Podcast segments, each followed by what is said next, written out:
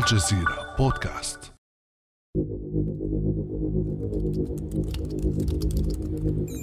خلف شاشة الحاسوب وباسم مستعار يعلوه شعار منظمة وهمية يتعقب كهل خمسيني أجنبي شخصيات ومنظمات فاعلة في الشأن الفلسطيني.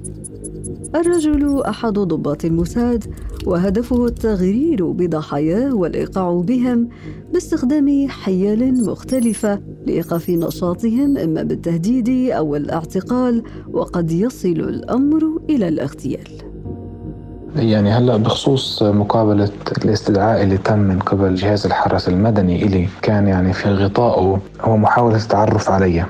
لكن في باطنه كان تمهيد لعملية اللقاء أو اللقاء اللاحق اللي حيصير واللي صار طبعا مع الموساد الإسرائيلي أو ضابط في الموساد الإسرائيلي. في المرة الثانية الجلسة اللي خلينا نقول كان في لها جلسة تمهيدية من قبل الحرس المدني تحت غطاء إنه هو حابين يسألوا شوية أسئلة عامة عني. والمرة الثانية إنه في شوية أوراق ناقصة بدنا نحكي معك فيها وإلى آخره. المرة الثانية هاي لما كان في ضابط مخابرات إسرائيلي كانت واضحة بالنسبة لي إيش الأمور اللي بدهم إياها. عن الحياة في إسبانيا وعن الشغل وإلى آخره.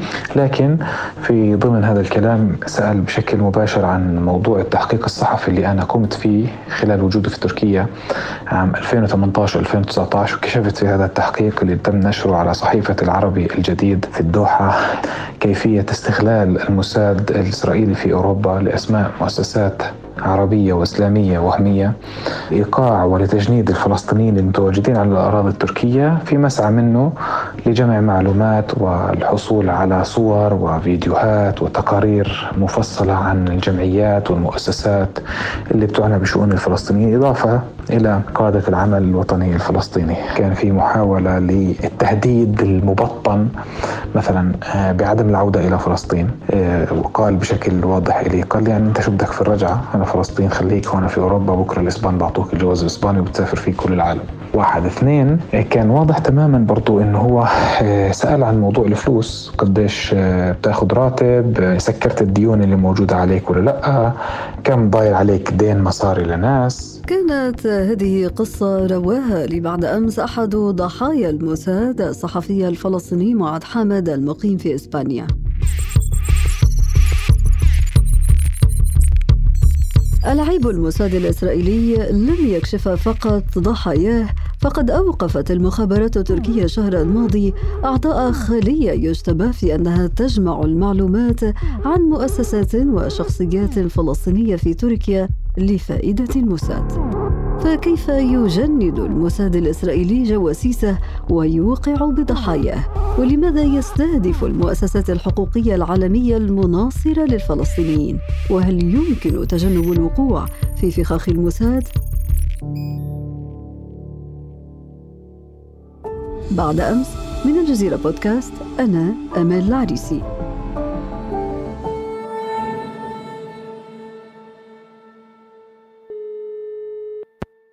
ويسعدني أن أستضيف معي في هذه الحلقة الكاتب والباحث الفلسطيني الأستاذ سعد لوحيدي. أهلا وسهلا بك أستاذ سعد. أهلا وسهلا بكم. قبل أن نبدأ النقاش حول هذا الموضوع دعنا نبرز أهمية المعلومات في الصراع العالمي اليوم. يعني في الحقيقة المعلومة هي هدف وهي ذخيرة ثمينة امتدت بامتداد يعني حياة الإنسان والحضارة البشرية. المعلومة شكلت هدفا للحصول عليها واستملاكها والمسارعة والأسبقية في الحصول عليها منذ بدء هذه الحضارة البشرية والمعارك بين الحضارات والصراعات ولعلها أقدم الأهداف والاستراتيجيات العسكرية المستمرة حتى اليوم. التجسس والرصد والعسس والحصول على المعلومة امتلاكها أن تكون سبقت خصمك في الحصول عليها تمنحك الأفضلية وتمنحك اليد الطولى في التصرف استراتيجيا وعسكريا وسياسيا وربما أيضا وعلى الأغلب وأكيد أيضا في كل المجالات الثقافية والإعلامية والعلمية في حالة المساعدة الإسرائيلي أستاذ لوحيدي تحولت المعلومة إضافة إلى كونها هدفا وأداة إلى سلاح فما هي الطرق التي يعتمد عليها المساعدة الإسرائيلي لجمع المعلومات التي يريدها؟ يعني في الحقيقة حينما نتحدث عن طرق يستخدمها الموساد أو تستخدمها أجهزة المخابرات بشكل عام فنحن نتحدث الآن عن طرق التي كشفت والتي عرفت والتي افتضح أمرها عبر هذه السنوات. وليس هذا حصرا لجميع الطرق والوسائل التي يستخدمها لكن بما توفر لدينا من يعني حصاد هذه السنوات الطويلة في الصراع مع الموساد. الموساد يعمل بعدة مسارات وبعدة طرق متشابكة سواء عن طريق الإسقاط المباشر أو عن طريق تجنيد الأشخاص في أماكن قيادية أو سيادية أو مؤسسات أو عن طريق العمل ونلاحظه حاليا ومنذ سنوات حينما انسحب الموساد وانكفأ من خانة العمل المباشر والاغتيال المباشر باستخدام العناصر الإسرائيلية توجها وانسحابا إلى مجال المصادر المفتوحة. وهو ما يسعى إليه الآن عن طريق المراقبة والرصد وجمع المعلومات وتكوين قواعد بيانات كاملة عن الكيانات والمنظمات والأفراد المناهضون للاحتلال الإسرائيلي، تجميع قواعد البيانات بالأسماء، بالتفاصيل، بالمعلومات الشخصية، بالهيكليات البناء التنظيمية وما يرتبط بها، والعمل على تفكيك هذه المنظومات أو اختراقها أو جمع المعلومات عنها عبر سلسلة متدرجة من الخطوات والتفاصيل تبدأ عن طريق تكوين جمعيات وهمية، مؤسسات بحثية وهمية أو الاستفادة من بعض العلاقات والتقاطعات مع بعض الدول كما حدث في موضوع التحقيق مع الصحفي الفلسطيني معاذ حامد في أسبانيا حينما سخر الموساد الأجهزة الأمنية الأسبانية لتحقيق أهدافه، فنحن أمام شبكة ومنظومة واسعة من الأدوات والطرق التي يسعى عن طريقها الموساد للحصول على المعلومات الاستفادة منها تحليلها وبناء الاستراتيجيات المضادة وتكوين هجماته تجاه هذه الجهات باختلاف طبعا طبيعة المعلومات التي حصل عليها وباختلاف آلية عمل هذه الجهات. برأيك كيف يجند الموساد الإسرائيلي المتعاونين الجدد معه؟ يعني في الحقيقة التجنيد هو آلية أو منظومة متكاملة من العمل. تبدأ يعني لا تبدأ باختيار الشخص وإيهامه بالعمل مع جهة ما أو مع مؤسسة ما قد تكون صحفية أو بحثية أو إنسانية أو خدماتية. ولا تنتهي بالتجنيد المباشر لهذا الشخص الذي سيبدأ ويباشر العمل بعد تلقيه تدريبات سواء سيبرانية أو تدريبات عسكرية أو تدريبات على التشفير والتجسس والتنصت وأن يكون هذا الشخص يعلم علم اليقين بأنه يعمل بشكل مباشر مع جهاز الموساد الإسرائيلي أو مع جهاز استخباراتي ما. هناك العديد من الحوادث والشواهد والعمليات التي نفذها الموساد لم تبدأ مثلا باغتيال عدد من العلماء أو عدد من الخبراء والضباط العرب وليس انتهاء باغتيال المهندس آه، التونسي محمد الزواري أو المهندس في عمق تونس أو اغتيال المهندس الفلسطيني فادي البطش في ماليزيا. من تونس إلى ماليزيا من أقصى الشرق إلى أقصى الغرب تعددت المنظومات تعددت الأهداف. هناك يعني بداية تنطلق من المصادر المفتوحة باستقطاب بعض القريبين من دوائر صنع القرار أو الأشخاص الذين يتم رصدهم بعد عمليات متابعة.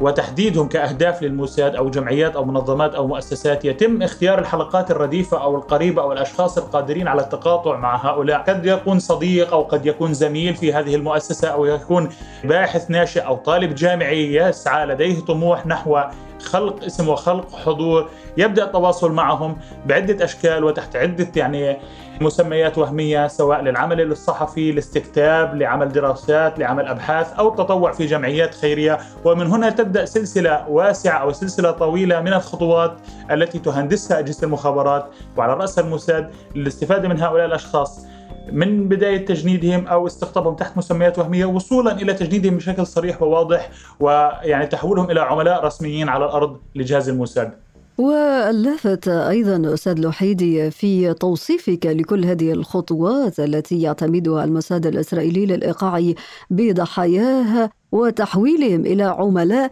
هو أنهم في آخر المطاف عندما يتعرفون على أن الجهة التي يتعاملون معها هي الموساد لا يستطيعون الخروج من هذه الدائرة. هل تعرف بعض القصص ممن حاولوا الإفلات من هذا الفخ؟ يعني موضوع الضحية وسقوط الضحية في شباك أجهزة المخابرات هو هو ما يسمى في العلوم العسكرية بمصيدة العسل، يتم يعني تقريب أو مشابهة ما يحدث للضحية بآلية صيد الحشرات عن طريق مصيدة العسل أو مصيدة السوائل السكرية التي تسمح لهذه الحشرة يعني بشرب السوائل السكرية وتناولها قطرة قطرة إلى أن تعلق تماما في المصيدة الكبرى مصيدة العسل اللزجه التي لا تستطيع أن تنفك منها أو تهرب منها. ما يحدث مع الضحية هو مشابه أو نفس استنساخ مباشر لسيناريو مصيدة العسل. يسقط هذا الضحية في البداية عن طريق العمل مع مؤسسة بحثية أو مؤسسة صحفية أو مؤسسة تهتم بمجال حقوق الإنسان. يتم استكتابه في بعض النقاط طلب عمل أبحاث دراسات مراقبة بعض الأشخاص. وفي سيناريو مقابل أيضا على الأرض وفي بعض ما حدث في الأرض المحتلة في إحدى القصص التي يتم سردها عن أحد العملاء الذين تم إسقاطهم في فلسطين. كان ضابط المخابرات الإسرائيلي يطلب منه مراقبة حبل الغسيل وتزويده بماذا يحتوي هذا الحبل. كان هذا الشخص مكلف بمراقبة منزل لأحد كوادر المقاومة. يعني ما يوجد على حبل الغسيل الملابس الموجودة هي ملابس لزوجة وأطفال هذا الشخص. وكان هذا الشخص أعتقد أنه لا يؤدي مهمة خطيرة ولا يتعاون بشكل مباشر مع الإسرائيليين. في أحد الأيام ولأن الضابط المشغل له يعرف المعلومة التي يريد الحصول عليها قام هذا الشخص بتلقينه ما يوجد على حبل الغسيل فتم استهداف المنزل مباشرة. الملابس الموجودة على حبل الغسيل تضمنت ملابس رجالية. في هذه اللحظة عرف ضابط مخابرات أن الشخص المطلوب دخل إلى البيت أو وصل إلى بيته. فتم استهداف البيت وتصفيته. الضحية يعني لم يكن يتصور أنه يؤدي خدمة قاتلة أو خدمة فتاكة أو لم يطلب منه تصفية شخص بإطلاق النار عليه أو زرع عبوة ناسفة أو ما إلى ذلك. لكن بشكل أو بآخر تم وضعه في مسار يفضي إلى هذه النهاية، وهذا الشخص وأمثاله حينما يؤدون مهمة أو يوصلون معلومة تؤدي إلى القتل أو تؤدي إلى الوفاة أو تؤدي إلى إضرار بعض الأشخاص، وفي بعض الأحيان لا يؤدون هذه المعلومة لكن يتم ابتزازهم بأنكم سنقوم بتعريتكم، سنقوم بفضحكم، سنقوم يعني بكشف تعاملكم معنا، يخضع بشكل أو بآخر إلى هذا الابتزاز ويعلق في هذه المصيدة ويستمر بأداء المهام المطلوبة منه تحت ستار أو تحت هاجس الخوف من الفضيحة أو الكشف أو التصفية وما إلى ذلك. إذا ذكرت أستاذ لوحيدي وسائل كثيرة وخطيرة أيضا ومن بينها استغلال الظروف المادية الصعبة الابتزاز عدم القدرة على الإفلات من شبكة المساعدة رغم تفطن الضحية لها في حال وصول الأمر إلى تنفيذ عمليات هكذا مثل ما ذكرت واضحة. ومباشرة. ولكن الموساد أستاذ لوحيدي لا شك أنه لا يستهدف فقط الأشخاص لا يحول فقط ضحاياه إلى عملاء أفراد يعني وإنما أيضا يستهدف مؤسسات دولية وعالمية ناشطة وتساند القضية الفلسطينية والفلسطينيين. أليس كذلك؟ صحيح وفي الحقيقة فإن إسرائيل يعني تخوض حربها من أقصى اليمين إلى أقصى اليسار. إسرائيل تطارد فصائل المقاومة كوادرها العسكرية بالتصفية والاغتيال ومحاولة محاولة الاستهداف المباشر وفي ذات الوقت تعامل على ذات السياق وبنفس الشدة ولكن بأساليب أخرى المؤسسات الحقوقية، المؤسسات الصحفية، مؤسسات حقوق الإنسان، إسرائيل الآن عبر علاقاتها في أمريكا استطاعت يعني الحصول على قوانين من بعض الولايات الأمريكية، قوانين فيدرالية بتجريم حركة المقاطعة ونشطائها، قبل أيام قامت بتصنيف ست مؤسسات حقوقية فلسطينية بوسمها بمؤسسات إرهابية وهي مؤسسات معروفة على الصعيد العالمي وعلى الصعيد المحلي بأنها مؤسسات حقوقية، مؤسسات تهتم برصد قصد وفضح وكشف جرائم الاحتلال وليس لها أي نشاطات سياسية أو أي نشاطات عسكرية ولا تستهدف الاحتلال بشكل يعني عسكري ولكنها مجرد مؤسسات حقوقية لكن أدائها على الأرض دورها في إزعاج الاحتلال في تعريه جرائمه في تكوين اللوبيات المؤيدة للحق الفلسطيني وحشد الدعم والتأييد للشعب الفلسطيني جعل من هذه المؤسسات اهدافا للاحتلال الإسرائيلي. وما يحدث في الدول الأوروبية وأمريكا الشمالية من يعني الإيباك والمؤسسات الصهيونية واللوبيات الموالية لإسرائيل تشن حرب لا هواد فيها على هذه المؤسسات التي تخضع للاستهداف عبر التجريم والملاحقة أو التشويه تهم وعدات السامية وأيضا ما يقوم به الموساد من محاولة اختراق هذه المؤسسات من الداخل الحصول على معلومات عنها عن الأفراد الذين يعملون فيها لمحاولة الانتقام منهم بشكل إما عن طريق تلفيق التهم أو اتهامهم بمعاداه السامية أو تلفيق تهم كالتمويل جهات إرهابية أو دعم جهات إرهابية كما يصفها الاحتلال وما إلى ذلك. فهذه المعركة الممتدة المتوسعة لا حدود لها ولا تفرق يعني بين كيانات وأنشطة ومنظمات تمارس المقاومة المسلحة وتؤمن بها وبين كيانات ومنظمات ومؤسسات تعمل على المجال الحقوقي والإنساني والتاريخي والبحث وما إلى ذلك.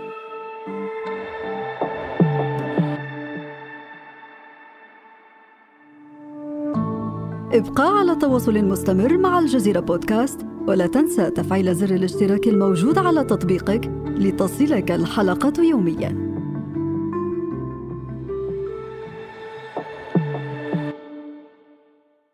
إذا مصيدة العسل كما ذكرت أستاذ لوحيدي العسل المر في هذه الحالة لا تستثني أحدا لا أفراد ولا مؤسسات وتكاد تطال كل المؤمنين والمدافعين على القضية الفلسطينية في مختلف أرجاء العالم. وهذا يحيلنا إلى التساؤل عن الوسائل أو الإمكانيات المتاحة لتجنب الوقوع في فخاخ الموساد. لنستمع اولا إلى شهادة الصحفي معاذ حامد في تحقيق لموقع العربي الجديد. الآن بخصوص موضوع إسطنبول يعني واضح تماما أنه الموساد بيعتمد بشكل رئيسي على حاجة الناس أو حاجة الشباب الفلسطيني المغترب للفلوس وللمصاري. لذلك هو بيستخدم أسماء مؤسسات وهمية. فيعني أنا بتصوري مهم جدا أنه أي شخص بيجي أي عرض عمل من مؤسسة في حياته ما سمع فيها ما بيعرف فيها ما في إيه، توصية من أحد الأصدقاء له إلها ما بيعرف الناس اللي بيشتغل معهم بشكل شخصي وبشكل مباشر ويكون معلن عن عن هذا العمل الجديد اللي بيشتغله. بتصور إنه حيكون في حدود الشيء المنطقي. لكن إذا واحد والله طلب منك معلومات تعمل له دراسات عن طلاب فلسطينيين عن جمعيات إلى آخره يعني هذا كله بدق ناقوس الخطر وبعطيك يعني بعطيك إشارات على إنه اللي بيصير قاعد غلط. وهذول الناس اللي قاعدين بتواصلوا معك من أوروبا هم يعني ناس واضح تماما انهم مضروبين. اضافه إنه ما في حدا بيطلب مثل هيك دراسات وبعطي عليها فلوس بمثل هاي الطريقة. ماشي في مراكز أبحاث موجودة معروفة ومعروف مين مدراءها ومين رؤسائها ومين الباحثين اللي فيها. إذا مركز من هاي المراكز اللي أنت بتعرفهم بشكل شخصي أو عن طريق توصية من أحد أو تزكية تمام. ما في مشكلة. لكن لما يكون أنت بتشتغل عن طريق عن حسابات وهمية في لينكد ان ولا في تويتر ولا في فيسبوك ولا في عن طريق التلفون ولا عن طريق الإيميل بدون ما تعرف هاي الناس واضح تماما إنه هون في شيء في شيء غلط. هذا في شيء غلط كبير. فيعني لازم يكون في الوعي الأمني أكبر من اللي كان موجود عند هاي الناس اللي وقعت آه، سواء بشكل مباشر أو بشكل غير مباشر في في تركيا. أستاذ الوحيدي استنادا إلى شهادة الصحفي معاذ حامد. هناك نقاط لافتة أشار إليها تتعلق بنواقيس الخطر. تحدث عن أن هناك إشارات تنبيهات تثير الشكوك في التعامل مع هذه الجهات. التي تطلب أشياء يعني حسب كلامه يعني غير معقولة أو غير مقبولة كالمثال الذي ذكرته أستاذ لوحيدي مثال حبل الغسيل لتجنيد ليس فقط فلسطينيين وإنما أشخاص من جنسيات مختلفة عرب أجانب منظمات عالمية تؤمن بالقضية الفلسطينية ما رأيك في ذلك؟ يعني في الحقيقة هذه الأجهزة الاستخباراتية لن تعدم الوسيلة ولن تعدم الحيلة في محاولة تجنيد عملاء لها. وهذه الأجهزة تدرك أن زمن يعني استهداف الضحية والطلب منه بشكل مباشر العمل كعميل هو خيار غير منطقي خصوصا يعني فيما نعيشه اليوم من يعني انفتاح تقني ومعلوماتي. وفي ظل ما تشكله هذه الكلمة من تهمة يعني مباشرة. الاستهداف طبعا لا يتركز على الفلسطينيين الاستهداف يتم لعرب ولأجانب لأوروبيين ولأمريكان لكل من يمكن أن يقدم معلومة بدرجة الأولى أو فائدة. ولدينا من الشواهد التاريخية الكثير في تونس مثلا في عملية اغتيال القائد الفلسطيني أبو جهاد خليل الوزير.